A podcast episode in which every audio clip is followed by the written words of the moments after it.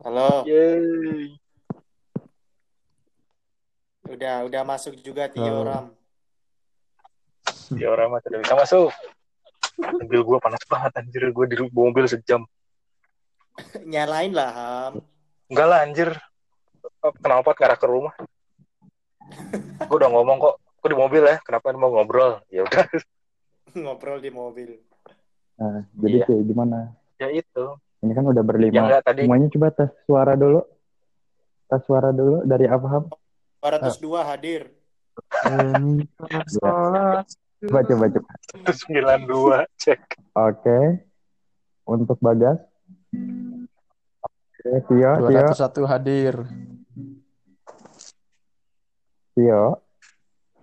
Wah. Tio passwordnya. Waduh. Hadir. Nah. Oke. Kalau Tommy udah ya, tadi udah pertama. Oh, Kita mulai bahas Gak Sambil nih? ngerokok Aku gak apa-apa, satu pembahasan menarik nih. Lo gak akan kedengeran nih.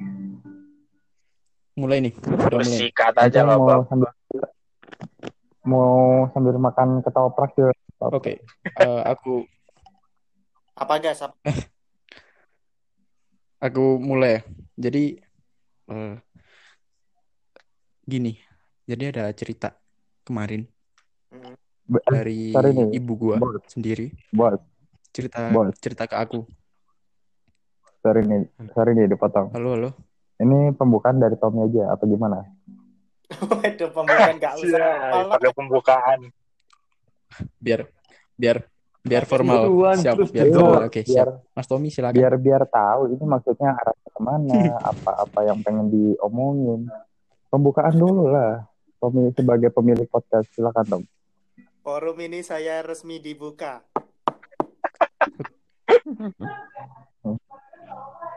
Bagas NIM 201 dipersilahkan. Yuk, buka. Gak usah pakai nim dong.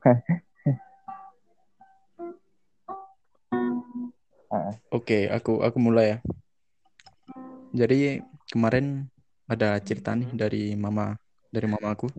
Kan aku kan di rumah ikut kayak pengajian itu kan, pengajian.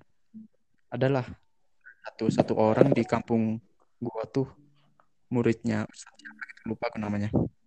Jangan jangan. Jangan sebut nama lah ya.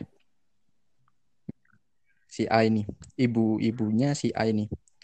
Dia ini eh, kan tahu kan, sekarang ada wabah virus kan, yang sampai pemerintah pun eh, kasih himbauan untuk kita para warganya tetap di rumah, nggak boleh keluar.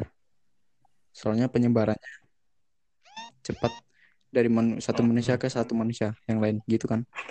Nah, si si ibu A ini udah tahu, tapi dia tetap tetap eh, kayak ngelaksanain pengajiannya yang itu di dalam musola dan itu yang pasti nggak ada jarak antar satu orang sama orang lainnya. Sedangkan eh, ibu aku ini untungnya orangnya ngerti bahayanya. Akhirnya dia nggak ikut keluar. Eh, sampai saat ini pun juga nggak nggak pernah ikut yang pengajiannya itu tetap di rumah karena himbauan. Tapi yang jadi masalah eh, si ibu A ini sebagai ketua pengajiannya itu tetap ngadain kegiatannya dan itu melibatkan banyak ibu-ibu yang lain di kampung gua. Itu kayak gimana? Maksudnya cara apa ya? Di dikasih tahu udah, dikasih saran udah, tapi tetap aja nggak apa ya? Dia tuh pemikirannya kematian ada di tangan Tuhan, gitulah pokoknya. Jadi nggak usah takut apa-apa. Nah, Ayo, kalau ngadepin orang kayak jawab? gitu gimana?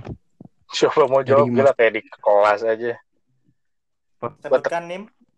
Pemilik podcast Siapa dulu? lah. Pemilik pemilik Tommy dulu, Tommy dulu. Kita ngurut aja nih. Ini kan ada urutannya nih Tommy, Rama, Tio, Ya, gue sama Bagas.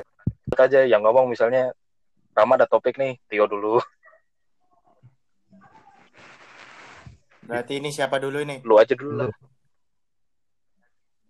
Urut-urut. Oke. Kamu Tom, kamu Tom. Jadi seperti apa yang dibilang Bagas tadi, Bagas kan bilang kalau ibu-ibu itu ngadain kayak tahlilan, anggap aja tahlilan gitu ya. pengajian Iya, pengajian rutin lah In.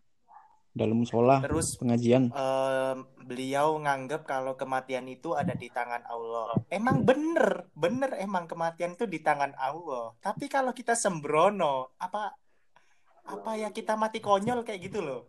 Semisal ya, misal aku punya pemikiran gini, aku ini diciptain dari tanah oleh Allah segala macam gini gini gini. Terus aku loncat dari atas, ya ujungnya mati.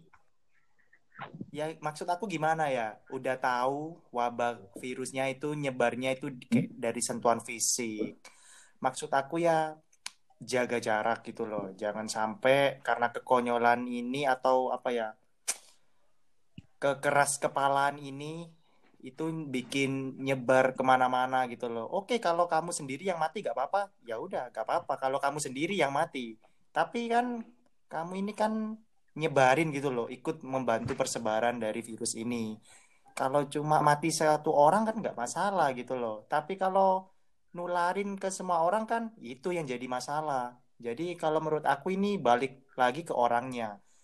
Gimana cara orangnya itu nanggepin sih. Kalau orangnya keras kepala kayak gitu, menurut aku ya itu jadi persoalan juga. Meskipun pemerintah udah punya obatnya, tapi kalau dari ma- masyarakatnya sendiri itu gak sadar ya, ya, ya percuma pemerintah bikin obat. Kayak gitu sih menurut aku. Oke, oke. Wah, Tuh, Jadi Rama dulu. kesim- Kesimpulannya kesimpulannya singkatnya Oh, gimana? kesimpulannya. Kalau aku ya, kesimpulan yang Kesimpulan dari aku sendiri. baca-baca kan tadi di Instagram kayak usaha Satpol PP terus TNI itu membubarkan kayak kerumunan. Pokok yang ada kerumunan itu dibubarkan itu udah pas banget udah betul. Dan menurut aku lebih baik itu langsung di apa ya bukan dijatuhi sih. Kasih kayak bikin undang-undang darurat gitu loh. Semisal kalau ada kerumunan yang disengaja itu dapat apa ya dapat sanksi gitu loh nggak tahu entah sanksi denda entah sanksi nggak boleh keluar rumah at- apa kayak gitu sih menurut aku. Biar jerah sih karena aku sendiri pun ya kalau belum kena hukuman gitu belum jerah sih kayak gitu.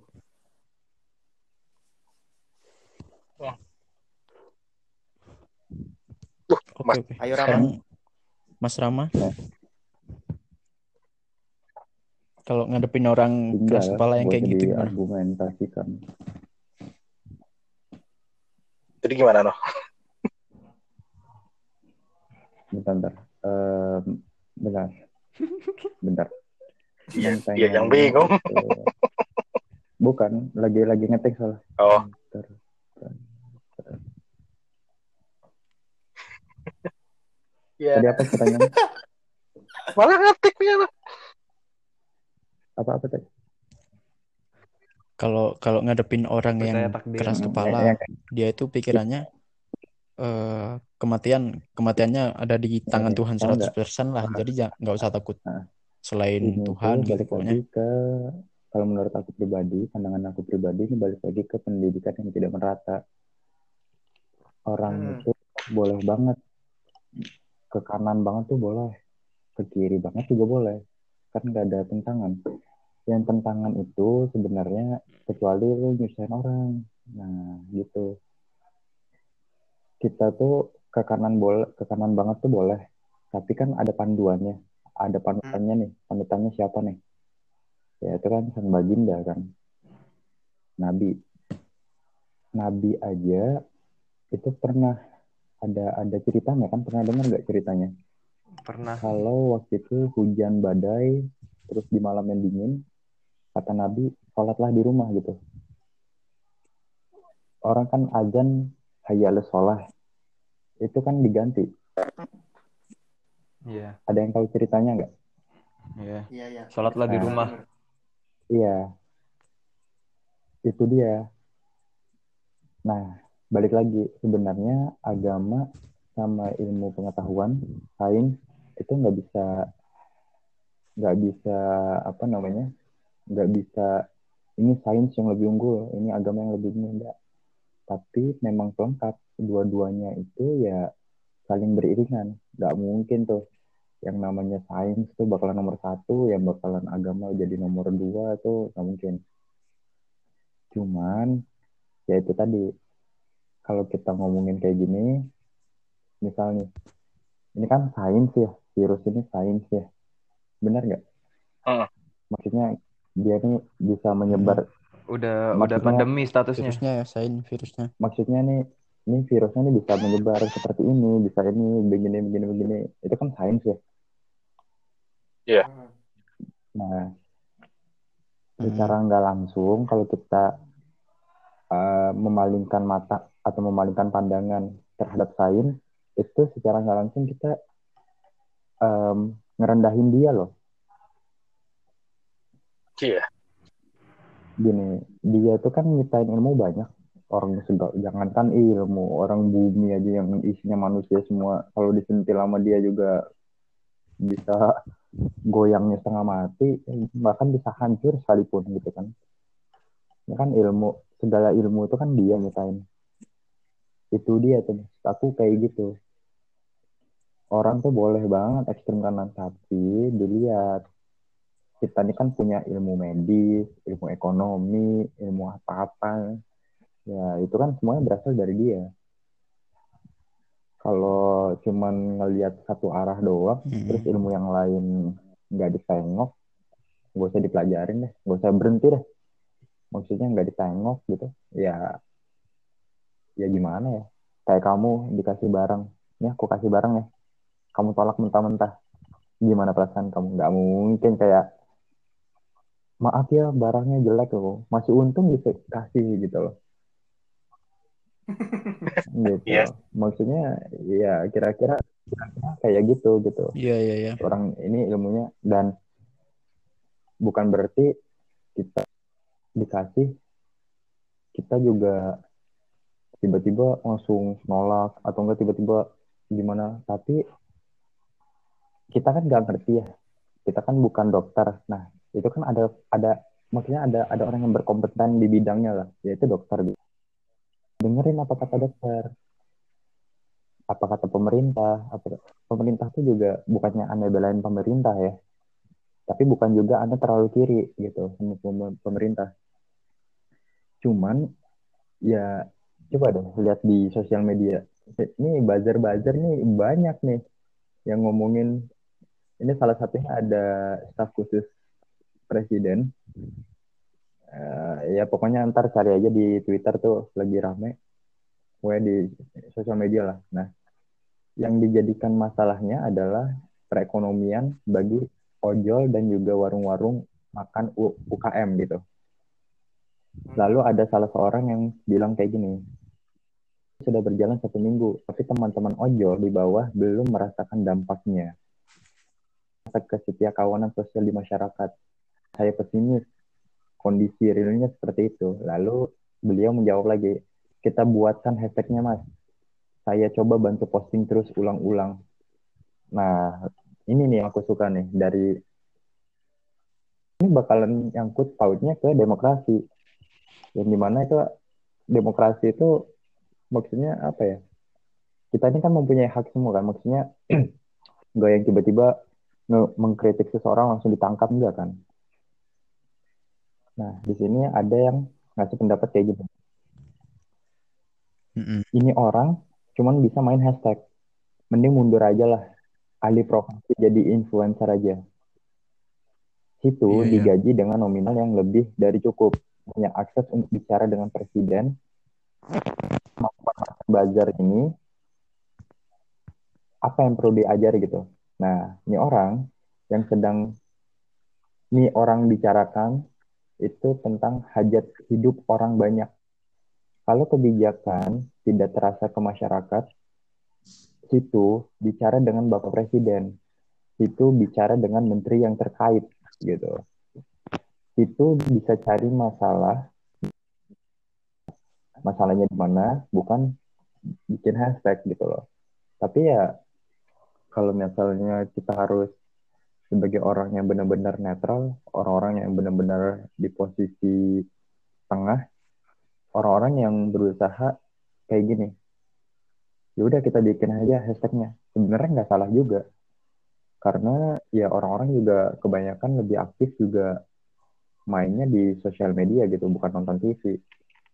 Apalagi kalau misalnya target pasarnya adalah muda Hmm. anak-anak muda. Nah, ini ini ini yang yang yang aku jadi apa namanya? Kemarin tuh sempat gini. em, kenapa sih orang-orang sana tuh ngundangnya kok influencer? Kenapa bukan orang yang berkompeten di bidangnya? Karena apa? Ini ada ada salah seorang yang berikan tanggapannya seperti ini. Jangan-jangan yang di sana nggak punya apa nggak bisa menginfluence orang banyak gitu loh. Makanya dia butuh influencer. Gitu. Itu menarik juga itu kalau lo bilang kalau kalau kalau kita ngomongin negara kayak kemarin, em, ya pokoknya staf khusus lagi lah ini di internet banyak kok. Dia bilang kayak gini, em, jangan tanyakan, jangan tanyakan apa apa yang negara telah berikan padamu, tapi apa yang kamu sudah berikan pada negara gitu. Nah ini nih, ini gunanya aktivis. Iya, iya. Ini gunanya aktivis.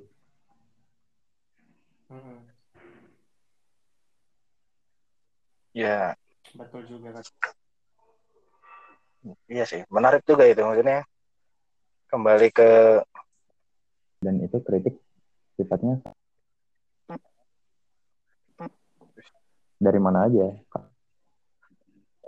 bebas untuk kritik itu Be- be- bebas untuk berpendapat nah bentar ini kok semua kayaknya Tommy deh kalau ya? Ada apa ada apa? nggak agak lep-lepan jadi ada pokoknya ya tau lah staff staff khusus lah pokoknya. Pokoknya Rama ngilang dari lu nyaram ini. Ya udah, lanjut. Selanjutnya siapa ini? ini internetnya kok keok sih? Internet lu. Kita Iya, biasa internet. aja. Internet aneh kok keok? Tiba-tiba langsung Iya. mati gitu ya? Ya penuh kan bentar ini aneh mau tahu. Nanjur nanjur banyu eh. Lagi renang Rama, Ya. lagi renang. ya Bur, keren bentar bentar. Ini aneh-aneh kasih dulu. Eh, abis itu terserah deh siapa yang mau menanggapi selanjutnya. Bentar. Jadi ya kayak gitu. Nah ini balik lagi. Nah kayak gini ayo bertanya pada diri sendiri apa yang bisa saya lakukan untuk negeri gitu. Ya sebenarnya nggak apa-apa. Maksudnya mungkin yang yang yang ingin disampaikan maknanya adalah pengen ayo dong ayo dong kita nih eh, harus harus bisa memberikan yang terbaik gitu kan. Karena ini tanggung jawab bersama gitu bukan hanya cuman pemerintah. Lalu ada yang bilang kayak gini ada yang berpendapat gitu kan. Apa yang bisa saya lakukan untuk negeri disangka warga negara itu numpang apa? Nah ini nih penting nih. Makanya waktu satu kan penting tuh belajar politik. Terus ngebahas tentang negara negara itu apa. Nah ini nih yang pentingnya fungsi negara menjamin hak dasar warga negaranya dari rasa aman, kesehatan, dan lain-lain. Kontraknya ada di konstitusi. Kalau itu aja nggak bisa, ya nggak perlu ada negara, nggak perlu lilin juga, molotov pun terang gitu loh. Karena karena Gila lu. karena oke Enggak, karena ini ada di BNPB gitu loh. Posternya di BNPB Instagram kalau nggak salah. Jadi bilangnya kayak gini, bukan waktunya saling menjatuhkan atau saling membuli. Ayo bertanya pada diri sendiri, apa yang bisa saya lakukan untuk negeri? menyalakan lilin lebih baik hmm. daripada menyalahkan kegelapan. Ya, balik lagi fungsi negara itu apa gitu loh. Dan itu memang udah udah udah ada kan di konstitusi gitu di undang-undang kalau nggak salah. Daftar ini yang lagi buka cemilan siapa nih? Mm -mm. Hmm. Nah, Buset, siapa yang buka cemilan? Aku aku aku. iya kan. Eh, maksudnya ya semuanya Lagi udah makan ibu. undang-undang gitu loh. Ya, eh sih, bener. Iya, Loh, kita ngomongin apa sih? benar-benar makanya nggak maksudnya em, eh, ya apa namanya iya apa jadi jadi ke mana-mana kan akhirnya. Eh, ke mana-mana gue aja bingung terlalu banyak noise belum lagi remote iya. lagi. Ya ini ya ya itu kan. Ya, tapi kebayang lah maksudnya. coba. apa, sorry pendapat kembali ke apa kembali ke orangnya kalau nanya menghadapi orang seperti itu kayak gimana? Ya masalahnya nggak masalahnya ternyata tidak se tidak sesimpel apa tidak sesimpel gimana ya tidak sesimpel orang mengikuti apakah dia mau mengikuti mohon maaf mengikuti agama atau mengikuti kenyataan gitu loh. Apakah dia mau masih kekeh dengan apa dengan pandangannya seperti itu atau apakah mau kompromi sedikit yang sebelum itu ya Mm, sebenarnya udah diatur gitu loh kalau kita dengar cerita maksudnya cerita-cerita terutama cerita-cerita zaman zaman Nabi ya dan lain-lain itu kan. Nggak usah jauh-jauh cerita lah kalau cerita kan mungkin memang hmm, apa ada bias dan lain ada bias dan ada kalau hadis sohih ya bahasa itunya kan. Kita nggak tahu cerita itu seperti apa. Apakah itu 100% benar atau tidak kan walau alam. Maksudnya mm, hanya hanya hanya hanya Tuhan yang tahu gitu. tapi mm, mm. nggak usah jauh-jauh itu kita lihat prosedural aja sorry agak agak motong motong tiho dikit jatahnya dia cuman nggak apa-apa waktu dulu Bingung, P2 kakak tuh kan P2 kakak pokoknya waktu waktu dulu belajar tata cara sholat tata cara apa itu ada diajarin sholat dalam keadaan bahaya contohnya dalam keadaan perang itu diajarin kan Hmm. Zaman apa? Kalau zaman P2 kakak itu dulu kan kita diajarin dalam keadaan perang itu harus seperti apa. Itu sempat ada pertanyaan Pak kalau misalnya musuh tembus gimana? Musuh tembus musuh tembus batalkan sholatnya pertahankan nyawamu.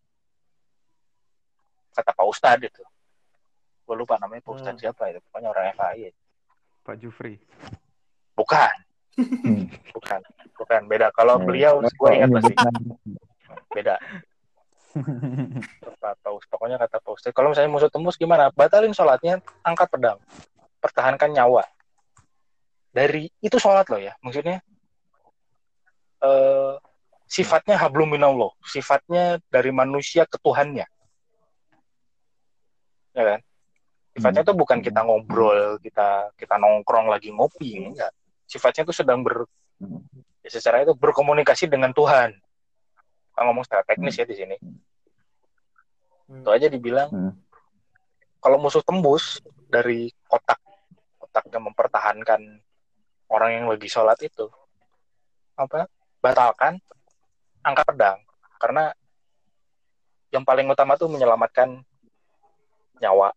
Nyawa. Itu dari prosedur. Lu mau ngikut agama ya prosedurnya seperti itu kok masih ngotot gitu loh tapi Mm. itu side note aja ya gue kalau nanya cara menghadapinya gimana itu sebenarnya menarik juga. Coba turun satu nih ke Tio gue selai dikit tadi. Aneh nih? Apa menghadapi orang menghadapi orang yang, yang kayak tadi kutip, ya Silakan, apa ya punya sudut pandang yang Aduh. agak keras gitu ya. Maksudnya atau agak sulit di diajak ngobrol lah gitu kita ngomong halus. Gini lah gini, gini loh menurut gue ya. Ini Rubah. putus-putusnya anjing.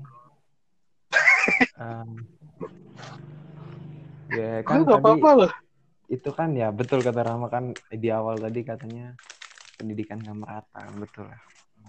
Dan kita juga nggak mungkin kan ngejel ngejejelin kalau kita pendidikan kita nggak se standarnya dia kan kalau dia ngomongin agama kita harus jajalin agama juga halo Hi, yeah, we're listening. Go on. Eh, soalnya kita kalau kalau ngasih secara teknis ngasih ya secara lebih uni- universal lagi lah itu dia nggak bakal terima tetap dia bakal terima kalau ada konteks agama karena dia ngeyel karena dia ngomongin agama. Kita harus menjajalin agama juga. Kemarin gue ngeliat eh, eh, Ustadz Felix Yao dia dia ngomong gini Hmm. Islam itu agama fleksibel. Kan kita harus nyari solusinya dong Kan? Nggak harus Hmm. Iya. nggak jangan mencaci mencaci doang gitu. Mungkin kita juga harus eh, ngomongin hadis nabi, nabi pun pernah berkata pernah bersabda janganlah kamu memasuki tempat wabah. Dan kalau ngomongin takdir lu mat lu nggak nggak kena virus juga mati lu kalau lu belum takdirnya lu nggak mati. Umar pernah dibil- ditanyain begitu sama satu orang Umar bin Khattab. Umar bin Khattab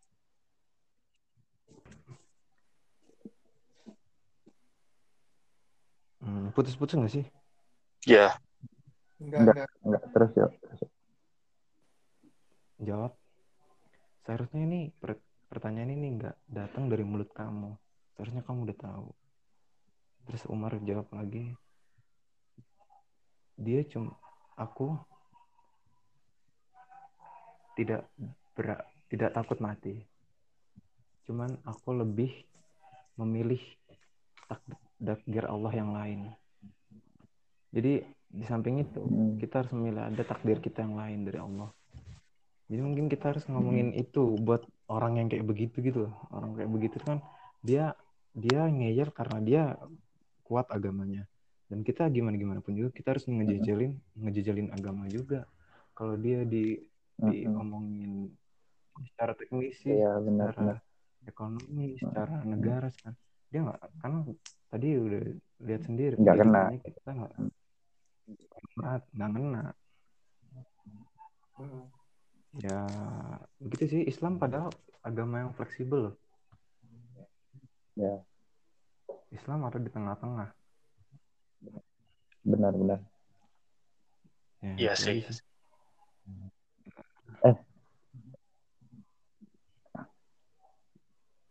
Jadi Iya. kesimpulannya balik Enggak, kayak enggak. Rama tadi Dia punya sendiri. kurang meratanya. kita harus ngejejelin agama juga kita harus nyari kita harus ngasih hadis juga karena dia kuat dengan argumennya dia karena agama dan kita harus ngejejelin agama juga nggak mungkin kita Hmm. ngejejelin Iya, secara faktanya negara gimana Hmm, Jadi- hmm. Harus harus satu Oh, frekuensi. celuk Mas Rek. Eh, Mhm. Kalau dari Oh. Mas Afam sendiri, oh, solusinya ya aku ben- sebenarnya ini ada kombinasi ya. Maksudnya juga. bener kata Tio tadi, benar 100% Belum. maksudnya.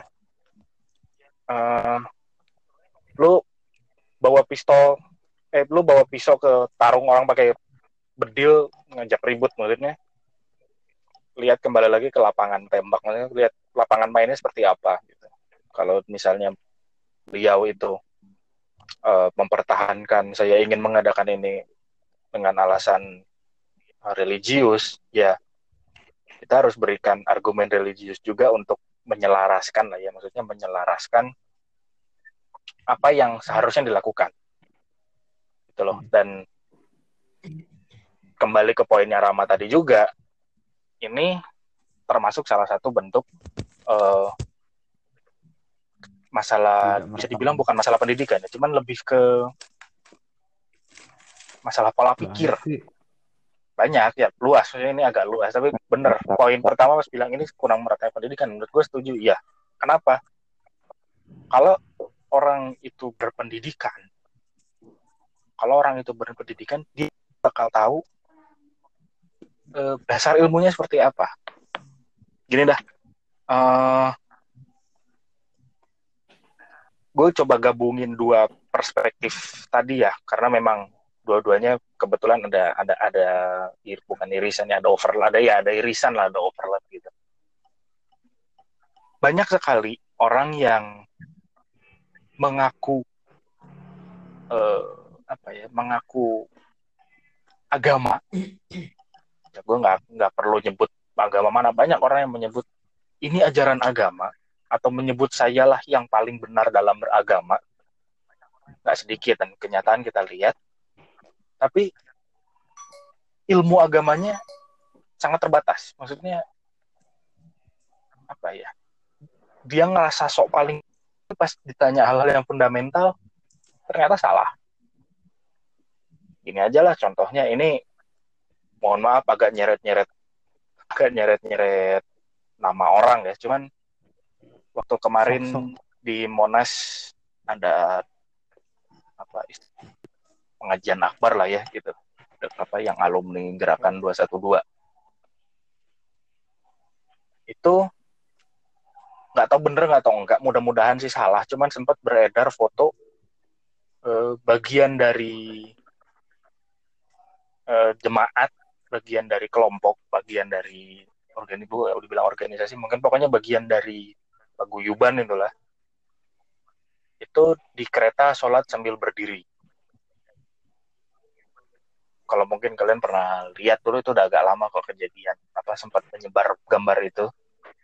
Terus ada juga eh, grup wanita dimasukin bapak-bapak dengan alasan ini darurat agama ini dalam kondisi darurat saya harus naik akhirnya masuk ke gerbong wanita di Jakarta daerah Jakarta lah gitu. Gue nggak terlalu apa pernah denger mungkin cerita-cerita kayak gitu kan? Maksudnya adalah di internet sana banyak kalau kita mau nyari. Itu kan eh, ironi. Maksudnya mereka bilang saya Islam. Merasa mohon maaf ya merasa paling Islam tapi hal-hal yang fundamental masih salah. Kita tuh sudah diberikan keringanan kalau misalnya sedang perjalanan jauh ya kan sholat sambil duduk. Ya nggak? Ya tidak harus menghadap kiblat pokoknya sholat sambil duduk. Kita lagi naik kereta nih dari Malang ke Jakarta misalnya. Atau Iya. dari Surabaya ke Jakarta. Tiba waktu isya. Atau tiba waktu maghrib oh waktunya sholat maghrib. Nggak usah repot-repot berdiri ke kamar mandi ambil wudhu terus berdiri ngangin orang jalan kita sholat di situ. No. Sudah jelas diberikan keringanan. Sholat sambil duduk nggak apa-apa. Anda musafir statusnya. Oke. mau sholat maghrib tiga rakaat langsung di apa di jamak dengan isya dua rakaat nggak jadi masalah. Anda musafir. Jelas loh ketentuannya ada ketentuan itu ada. Dipermudah kalau lagi perjalanan kalau misalnya tidak sanggup atau tidak bisa sholat sambil duduk nggak bisa duduk sholat sambil tiduran. Kan itu fundamental gitu men. Maksudnya itu itu dasar banget. Itu adalah hal-hal mendasar yang sifatnya hubungan antara manusia dengan Tuhannya. Sifatnya beribadah bukan dalam sifat misalnya kalau misalnya terjadi A oh kira-kira ini harus seperti apa. Kalau terjadi B ini harus seperti apa. Kayak misalnya hukum waris atau tata cara apa ngurus jenazah atau apa. Itu kan hablum minan nas ya. Hubungannya dengan manusia lain. Ini hubungannya dengan Tuhan. Sudah diatur seperti itu. Dan mereka masih nggak ngerti. Masih tidak apa tidak masih mempersulit orang lain masih mempersulit diri sendiri masih kekeh dengan pemikirannya yang merasa paling benar. Itu masalahnya di mana? ya ya itu mungkin itu nggak tahu ya. Maksudnya saya tidak gue bukan orang yang terkualif bukan orang yang qualified untuk eh, menilai orang lain gitu. Gue sih serah lu lah gitu. Cuman eh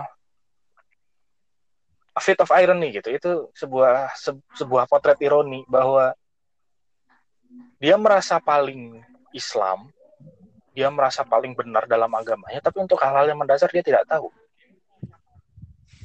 Yang bahaya itu sebenarnya yang seperti itu. Sama dengan yang terjadi di lingkungan lo sekarang. Merasa paling, oh saya ini mengikuti syariat, ini harus dilaksanakan karena kewajiban nainu nainu. Tapi hal-hal yang mendasar itu tidak tahu. Gitu loh. Ini bahaya. Kalau kata Pak Hutri ini persoalan ya. Ini persoalan. Tapi bener maksudnya apa ya? Ini bahaya loh. Ini bisa dikategorikan sebagai sesuatu yang berbahaya apabila kita kita biarkan saja. Kenapa? Orang yang nggak tahu apa orang yang nggak tahu tentang ilmunya merasa dirinya paling tahu merasa dirinya paling benar mempengaruhi orang yang sama-sama nggak tahu ini bahaya. Hmm. Uh, apa ya, dalam kondisi seperti ini, udah kalian tetap harus jalankan sholat berjamaah di masjid.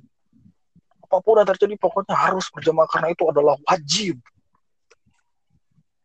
wajib Tapi lihat kondisi. Nah, kan tidak tahu. Kan, kan tidak tahu. Gak usah kita gak usah jauh-jauh lihat zaman Nabi lah. Sekarang aja Air Fahrudin, besok nggak ada Jumatan. Loh, karena sadar bahwa sekarang Muhammadiyah loh ya. Mm-hmm. Kan NU Muhammadiyah sama NU Muhammadiyah lah gitu kita dua dua organisasi organisasi dalam tanda kutip ya, dua organisasi agama paling ormas. ya gue nggak mau bilang ormas juga sih cuman hmm. organisasi keagamaan lah ya organisasi keagamaan yang besar dan jadi ya memang kredibel gitu loh karena memang organisasi dakwah lah gitu.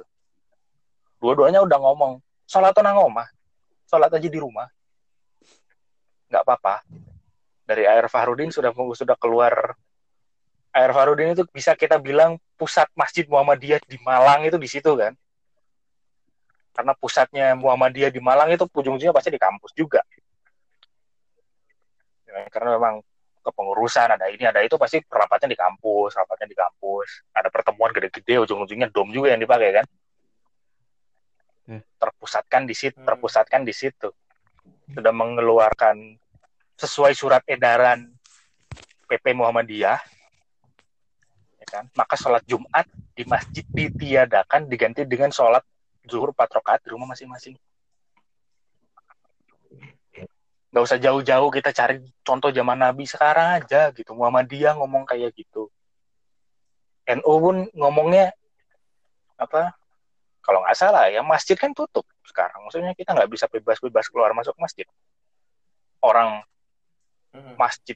Gue tahu nih ini nggak tahu masjidnya apakah kepengurusannya Muhammadiyah atau NU dan gue nggak mendiskriminasi cuman dibilangin sholat jamaah pun dikasih jarak sekarang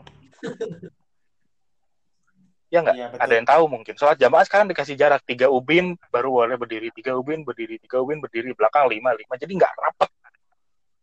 Enggak Kenapa? Softnya. Ya untuk alasan keselamatan umat, hmm. gitu loh.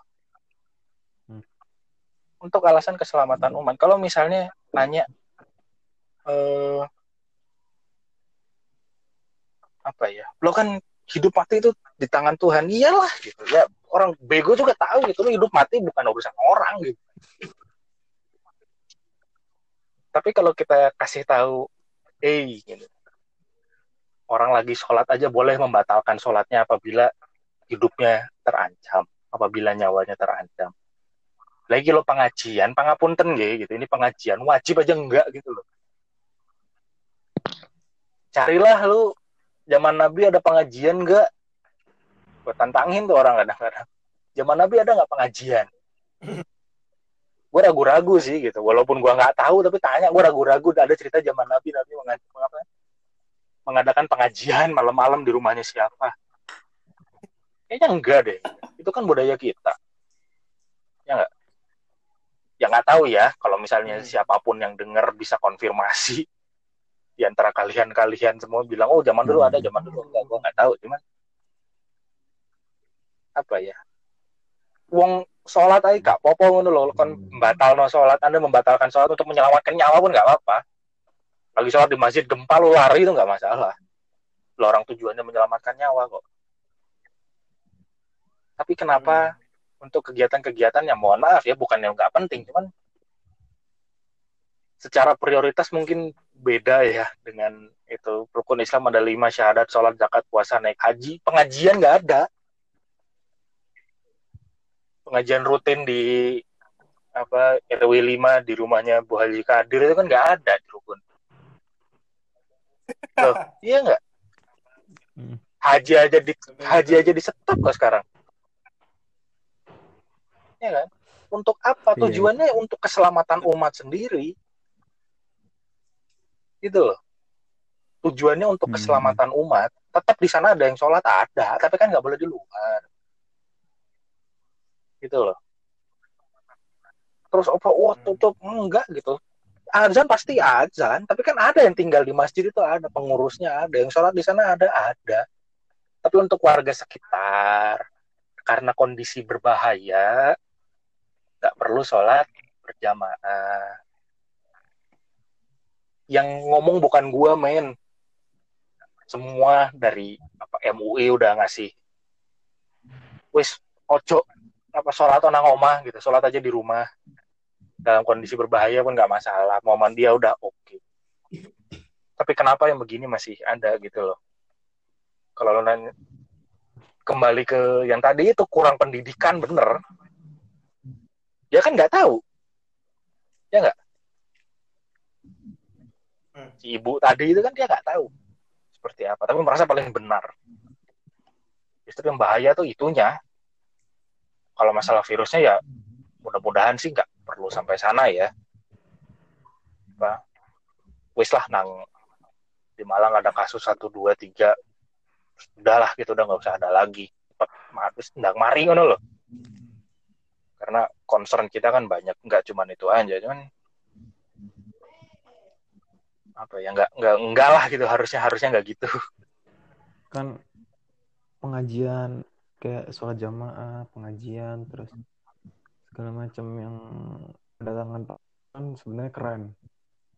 Tapi di kondi di kondisi yang tepat. Dan iyalah itu Betul. itu dia niatnya dari rumah mencari pahala. Di sana dia nye- nyebarin virus yang datang ke dia dosa. Malah jadi gitu. Digituin aja. malah jadi malah jadi keburukan ya. Iya.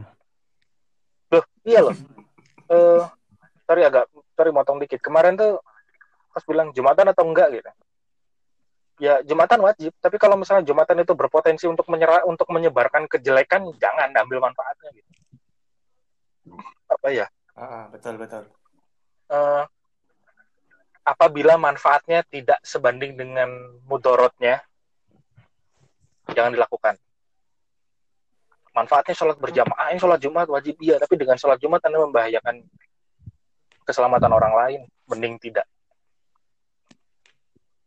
Gue tuh pernah diceritain kok dulu ini pendek aja ya. Eh, guru agama PPL guru agama PPL zaman SMA itu beliau pernah cerita pas lagi kuliah kuliah agama men. Guru pendidikan agama. Lagi azan sama dosennya nggak diberhentiin kuliahnya. Terus mahasiswanya ada yang nanya pak mohon maaf ini sudah azan kenapa kita masih kuliah? Dosennya jawab kalau misalnya kuliah ini saya berhentikan ya untuk menjawab panggilan azan langsung sholat di masjid dari satu kelas ini yang bakal ke masjid sholat berapa orang? Nanyanya gitu ngomongnya gitu. Dari di kelas ini yang bakal ke masjid sholat berapa orang? Yang bakal kalian keluar nongkrong ngerokok beli bakso tahu beli somai tuku bakso malah nongkrong nongkrong cari minum itu berapa? Lebih baik saya teruskan kelas ini dan kalian jelas belajar menuntut ilmu daripada saya bubarkan kelas ini untuk sholat tapi sebagian dari kalian akan melakukan hal yang tidak bermanfaat. Dan itu diceritain ya diceritain lah diceritain sama guru PPL waktu itu. Sampai sekarang nempel maksudnya oh iya. Kalau kita sedang melakukan hal kebaikan melakukan hal yang bermanfaat terus ada panggilan waktunya sholat gitu. Terus kita berhentikan kelas langsung ke sana. Emang yakin semua bakal ke masjid? Kagak. Aing jam gitu kecuali di tempat tertentu ya kayak kedua kakak gitu misalnya sholat dan langsung aja udah diliatin tolong awas lo kak sholat. Beda lagi tapi kan ceritanya itu beda lagi gitu loh. Nah ini juga sama konsepnya gitu. kalau kita ngumpul itu manfaat kita ngumpul. Manfaatnya kita pengajian itu ya kita nggak bisa ngasih nilai ke pahala ya karena bukan gajinya udah di atas kita lah kalau hal-hal seperti itu kan kalau misalnya kita ngomong dengan pengajian itu lu dapat apa? Tapi kalau misalnya misalnya si Tio DC misalnya si Tio DC kalau misalnya keburukannya lanjut lanjut, lanjut. lebih banyak atau keburukannya malah jauh lebih buruk daripada manfaatnya jadi lebih berat lebih berat jeleknya daripada bagusnya ya jangan dilakukan itu loh. Dan logika itu nempel terus. Dengan gue sampai sekarang kayak kemarin. Jumatan nggak? Di Malang baru ada. Masih ODP eh masih ODP baru konfirmasi satu case dua case. Apa apa lah jangan salaman. Kalau salaman ya jangan nyentuh apa apa lagi. Salam ke orang habis itu udah diem. Mau itu tanganmu simpan di luar. Sampai rumah langsung tangan ganti baju. Sekarang gue nggak berani keluar rumah. Bukan nggak berani ya nggak keluar rumah. Besok ditanya jumatan atau enggak kemungkinan besar gue nggak akan jumatan. Gue sholat zuhur aja di rumah karena memang kondisi lagi tidak bisa diprediksi dan daerah gue udah beberapa ODP bener-bener jauh-jauh itu ada ada ODP Maksudnya ada oh daerah sini ada yang dari Jogja. Yang dari apa dari dari sini ada yang dari Jogja kemarin. Ntar, buka jendela panas dari sini ada yang dari Jogja kemarin itu. ODP lagi dicek di rumah sakit. Mudah-mudahan nggak apa-apa cuman kan resiko gitu. Weh Tio datang lagi. Kan resiko gitu loh hal-hal seperti itu tuh resiko. Dan kalau misalnya kita kena nularin ke orang tua nularin ke tetangga ya kalau nggak apa-apa nauzubillah tapi kalau misalnya takdirnya meninggal gitu. Emang kita mau nanggung dosanya? Loh kita dengan santainya nongki nih misalnya kita berlima nih nongkrong di online ya. Cuman misalnya kopi yuk. Gengs ngopi kopi. Terus pulang kita bawa penyakitnya. Kita mungkin nggak nggak terinfeksi mungkin nempel di baju mungkin nempel di motor nempel di jaket. Terus pas di jalan kita beli apa beli minum. Kita bayar pakai duit tangan kita sarung tanganan motor. Sarung tangan ada virusnya nempel ke duit duit nyampe ke kasir mas-mas Alfamart disebut merek lagi. Nggak apa-apa lah. Ke kasir minimarket terus dia nggak sengaja gosok hidung dia terinfeksi. Gara-gara virus itu terus dia meninggal. Emang apa, salah kita kan? Walaupun mungkin kita nggak tahu dan yang nggak tahu ya itu sistematikanya seperti apa. Saya bukan ahli saya bukan ahli ilmu peramalan cuman kita bawa penyakit atas action kita kita nongkrong terus kita bawa penyakitnya kita nularin tetangga tetangganya meninggal. Kan secara tidak langsung salah kita kan? Iya. Kita nongkrong apa melawan perintah kita bawa kita bawa kejelekan gara-gara cuma gara-gara nongkrong doang. Butterfly effect iya. Apakah itu tra, apakah itu logika loncat-loncat? Iya itu logika loncat-loncat cuman kalau misalnya iya gitu loh kita pengajian atau misalnya kita keluar. Iya ada lagi. Kita pengajian bawa penyakit kita nularin ke orang lain. Dia sakit nggak bisa nih nggak bisa nafkahin keluarganya. Nggak bisa aktivitas nggak bisa ini nggak bisa itu. Kan kita tidak membawa manfaat kita malah membawa kesusahan ke orang lain gitu loh. Hmm. itu aja sih yang jadi yang agak disayangkan sekarang walaupun gue ngomong panjang banget. Apa yang jadi dipermasalahkan sekarang itu dari pengetahuan itu sendiri dan ironisnya yang orang-orang seperti itu tuh kadang pengetahuan agamanya malah yang kurang. Gitu loh mungkin pinter di bidang ini mungkin ngajinya oke mungkin mungkin apa tahfiz atau apa. Tapi hal-hal seperti itu nggak tahu kan. Jadi jadi tanda tanya gitu loh maksudnya. Kok begini? Kok harus begini? Gitu loh. Kenapa? Kenapa pemikirannya masih begini? Itu kalau menurut gua sih. Panjang banget sih gua ngomong Eh. apa aja tadi. Oh iya, aku ada pertanyaan juga sih, tapi mungkin Bagas dulu yang mau nyampein.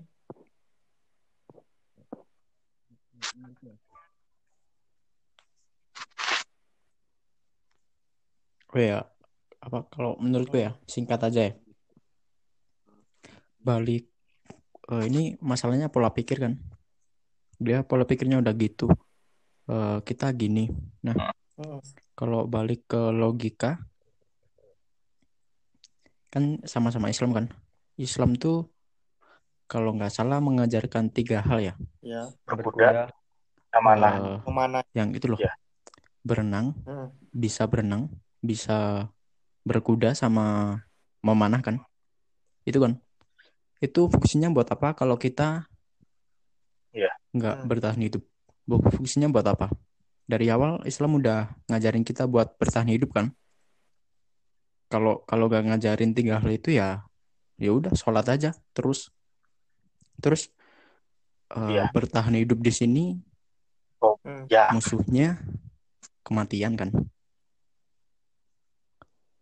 ya enggak maksudnya kita ki- kita sekarang ada virus nih Hmm. virusnya udah infonya valid yang jadi korbannya meninggal banyak Iya. jadi Hmm. yang yang kita adepin sekarang tuh nggak nggak cuman virus doang tapi kematian nah secara nggak langsung Ya. kan cara cara pencegahan di Berenang, rumah berkuda. aja itu kan Nah.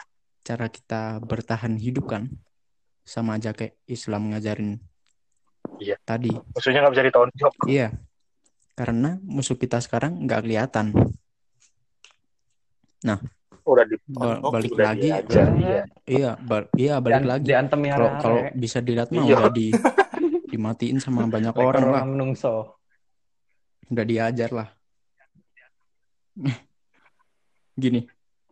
Kalau kalau masalah apa kematian 100% udah di tangan Tuhan ya emang bener tapi apakah kamu ingin sama aja mematikan dirimu diri. sendiri gitu nah apakah kamu ingin mendahului Dosa takdir sama Tuhan lo. gitu maksudnya con iya contoh contohnya gini eh kenapa kita diajarkan menengok ke kanan dan ke kiri ketika ingin menyeberang Hmm.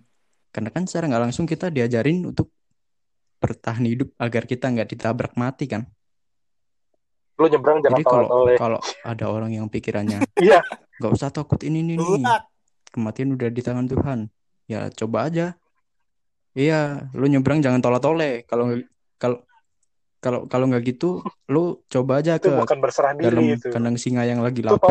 Nggak usah takut kematian udah di tangan Tuhan kok. Menyerahkan diri. Menyerahkan Gitu kan. diri.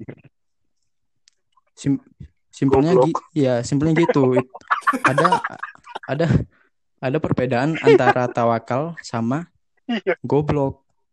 Kalau kalau tawak kalau tawakal kan ada usaha kan? Nggak kalau tawakal kan ada usaha.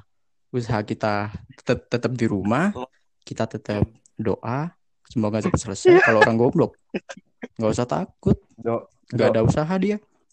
Doa aja. Tolol kan kan kan harus berjalan Iya kan? seimbang. ada ada Do- doa besar loh itu perbedaannya besar loh antara tawakal sama goblok tadi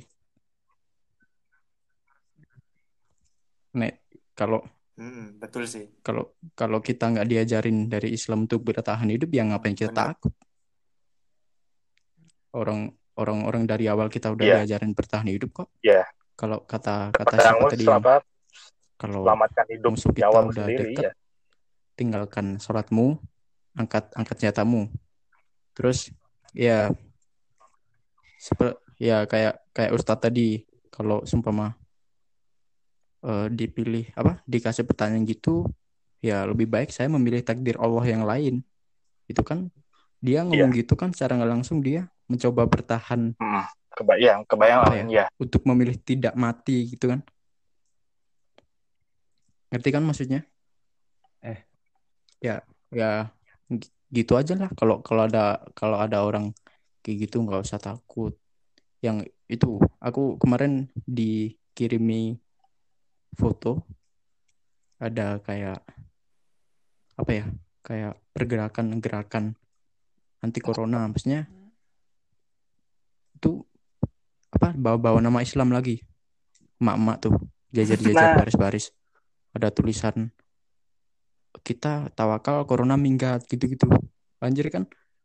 Kalau kalau di logika kan yang musuh kita nggak kelihatan cuy. Yang nyerang apa nyerang kita tuh Iya. bukan ideologi kita. Yang nyerang eh, yang diserang tuh tubuh kita. Kalau yang diserang ideologi lo buat gituan nggak apa-apa. Tapi kalau yang diserang tubuh kita ya Allahu Akbar. ya jaga diri lo bukan bukan ideologi lo. Jaga diri.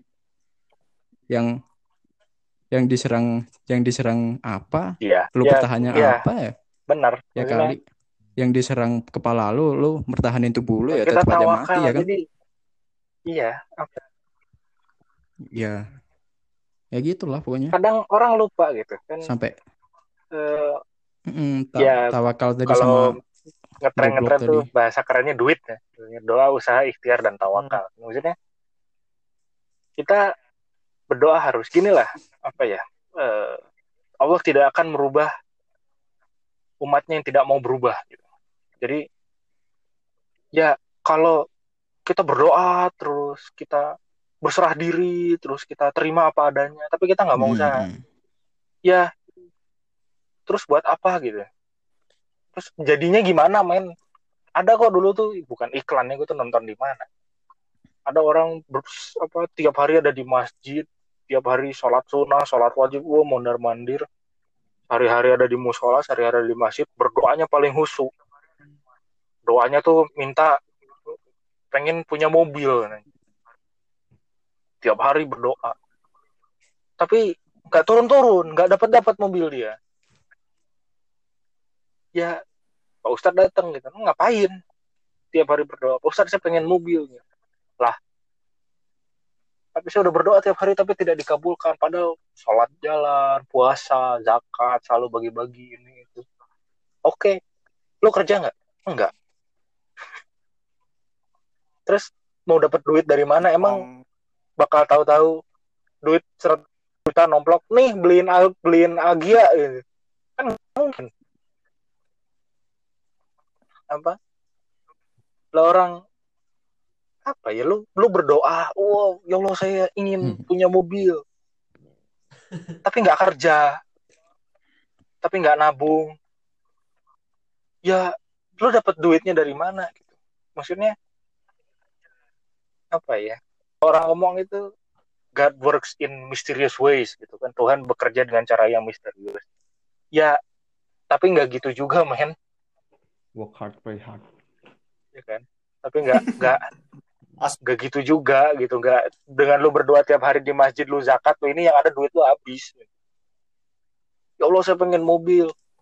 Dizakatkan semua hartanya puasa. Tapi nggak kerja nggak berusaha nyari duit. Ya habis. Maksudnya logika aja lah gitu. Emang zaman dulu perang. Emang zaman dulu perang lawan musuh. Musuhnya berat gitu kita berdoa kepada Allah Iya, memohon balik- pertolongan. tapi nggak ikut perang. Ya habis lah. Kita tetap harus turun lapangan. Kan orang itu kadang lupa elemen di luar doa di luar berserah diri dan di luar sabar itu harus ada usaha. Dan itu kan fundamental. Kalau misalnya nggak fundamentalnya aja nggak ngerti tapi mengaku sok nah, itu yang jadi masalah. Itu loh BTW Rama tadi mana ya? Rama DC kayaknya tuh biarin sinyal Ya, ya bener tadi kata Rama kan. Jaring Jangan kita jadi orang Eh, ini jangan ke kanan-kanan banget. jangan tinggal kiri-kiri 20 loh, banget. udah merah. Netral Agama Islam aja fleksibel. Ya, Kita sebagai betul. umat juga harus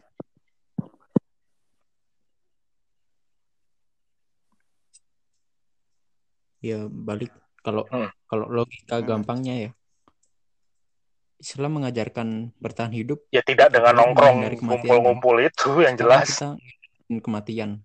ya Mm-mm. gimana caranya bisa bertahan hidup itu sebenarnya itu kan Iya, nggak nggak usah ya, deket-deket sama kerumunan malah yang bikin takutkan tuh yang kerumunan. seperti ini gitu loh. Malah yang gua takutkan itu orang-orang yang apa gua gua sampai mikir loh ya Allah Akbar. gua sampai mikir amit-amit lah ya di gua sampai mikir gini cara ngerubah- cara cara cara ngerubah Terus ada yang kena. pola pikir orang-orang kayak gitu biar biar takut tuh harus harus ada pemicunya jadi ya harus harus ada Nah, betul. Iya. Apa ODP Ya harusnya harus ada yang idealnya kan kita nggak sampai situ dia, ya maksudnya. baru dia takut Kita sanu TikTok kan. tapi ya ya janganlah ya tapi ya. tapi berharap aja gitu Iya, kalau bentar nggak apa-apa ini gampang motong-motongnya santai aja. Tinggal cari mana yang menarik. Aku- ini, yang aku yang ini, yang apa-apa ini, ini perlu sensor-sensor Hmm, gampang. Jangan duluan dong. enggak aku. Gak apa-apa kok, Mau- Gas. Udah jam 10, eh. Bagas mau latihan mau ngedit. nih apa ya Oke, oke. Good luck Oke, ya buat ngedit. thank you thank you Eh sebenarnya kita harusnya ya, eh harusnya ngomongin oh ya aku di mana aku rasa mau kemanusiawian. mau tanya ya Tam, uh, aplikasi Zoom. dosen Tam. Itu, soalnya itu kan ya kita ngera kita ngerasain gitu gitu. Ya nggak apa-apa. Ini kita ada dua jam. Bisa dipotong buat berapa episode santai aja. Tapi udah pada Karena kok gue dulu gini, gue dulu tuh udah pernah konsep men. Oh bikin podcast gini aja, gini gini gini, udah jalan semua. Hmm. Nggak jalan kan karena gue di Bandung waktu itu dan teman gue sibuk, gue juga waktu itu masih nggak bisa, yang nggak bisa ada di Bandung selama tiap saat kan gue di Nangor. Akhirnya si anjing hilang. Akhirnya gue pitch ke Himakom kan, udah gini aja mbak, kita bikin podcast khusus tapi tentang ilmu komunikasi aja. Saya udah kebayang kira-kira kayak gimana. Untuk equipment itu jauh lebih murah, untuk editing pun nggak terlalu susah, untuk ini untuk itu. Eh nggak keterima, ya udah prokernya gue bawa. Selalu gue nggak diterima, dadah, gue cabut. Gampang, kalau kayak gini tuh gampang. Bisa diedit, potong-potong ini ini, yang nggak itu nggak itu, gampang. Bisa diatur lah, maksudnya. Apa apa banyak editan juga, yang penting poinnya tersampaikan. Kita mau ngomongin apa sih? Betul. Masalah Terus dosen ya. ada pertanyaan lagi nih. Hmm. Gak apa-apa lah, cuma bertiga ya. Gak apa-apa. Ah, ini anu sih menyangkut kayak kata kamu tadi ya, yang besok Jumatan atau enggak, jawabannya enggak. Itu aku juga mau tanya sih. Kayak Hmm. aku ini kan sekarang lagi di rumah nenek nih, dan otomatis aku kan nggak nggak tahu kan di sini masyarakatnya ada yang dari luar kota atau ada yang dari mana. Lah, di Islam kan juga aku pernah dengar kalau orang nggak Jumatan tiga kali itu kan udah dianggap kayak murtad ya. Sedangkan Iya. eh, corona ini kan kita nggak tahu kan sampai kapan selesainya, sampai kapan meredanya. Dan kalau semisal selama kurang lebih tiga kali itu kita nggak ikut Jumatan, apa itu kita bisa dianggap murtad gitu? Atau Nah. ka- karena nggak Jumatan gitu? Nah, Kayaknya salah tanya Tom. Jangan ke Nggak. sini. Enggak, itu gue bisa jawab. Gimana gimana? nggak apa-apa, enak Jadi, aja ngobrol. Eh, enggak, pernah. Nggak. Dulu tuh gue pernah Masalahnya kan manusiawi gitu. Eh, takut juga masih ada takut lah buat ngejawab begituan gitu. Bener, itu tapi ada jawabannya. Tiga Hmm. kali tidak ikut Jumatan itu secara disengaja dan tanpa alasan yang jelas. Baru Hmm. itu bermasalah. Jadi gini, lu sakit nggak bisa Jumatan, nggak apa-apa. Ganti sholat zuhur, nggak jadi masalah. Gue tuh Gimana? dulu pernah kok baca, maksudnya karena penasaran emang ini memang hukumnya seperti apa sih? Gak usah jauh-jauh corona lah, nggak usah jauh-jauh wabah ya. Ini kita anggapnya kan wabah dalam Hmm. Pandemi. dalam hadis disebutnya wabah kan ya. Mm-mm. Maksudnya kita agak masuk ke ranah-ranah eh, ilmu religi. Jangankan kondisi wabah, hujan deras itu nggak wajib jumatan. Hmm, hmm, hmm. Percaya nggak? Coba kalian cari itu gue pernah baca dulu kapan saatnya eh, jumatan itu tidak diwajibkan untuk laki-laki. Itu saat sakit itu nggak apa-apa nggak jumatan. Saat musafir misalnya kita perjalanan jauh nih kita perjalanan dari Malang mau ke Jogja misalnya atau mau ke Semarang hari Jumat yang siang nggak nemu masjid nggak Jumatan nggak apa ya kan? Terus dalam kondisi tidak memungkinkan untuk berangkat ke masjid. Contohnya apa? Yaitu hujan deras. Kayak tadi bilang apa waktu sholat tapi badai. Ya. Waktu sholat tapi badai. Akhirnya nggak usah ke masjid kalian sholatlah di rumah. Itu cerita siapa yang cerita barusan? Ya ada yang respon lagi. Eh, Eh, yang cerita saat ada badai nggak harus apa sholatlah di rumah nggak usah ke masjid karena bahaya. Ya kan? Hmm. barusan gue lupa yang cerita siapa pokoknya kayak itu aja. Nah jumatan pun sama. Kondisi hujan deras nih misalnya. Badai hujan. Wah hujan.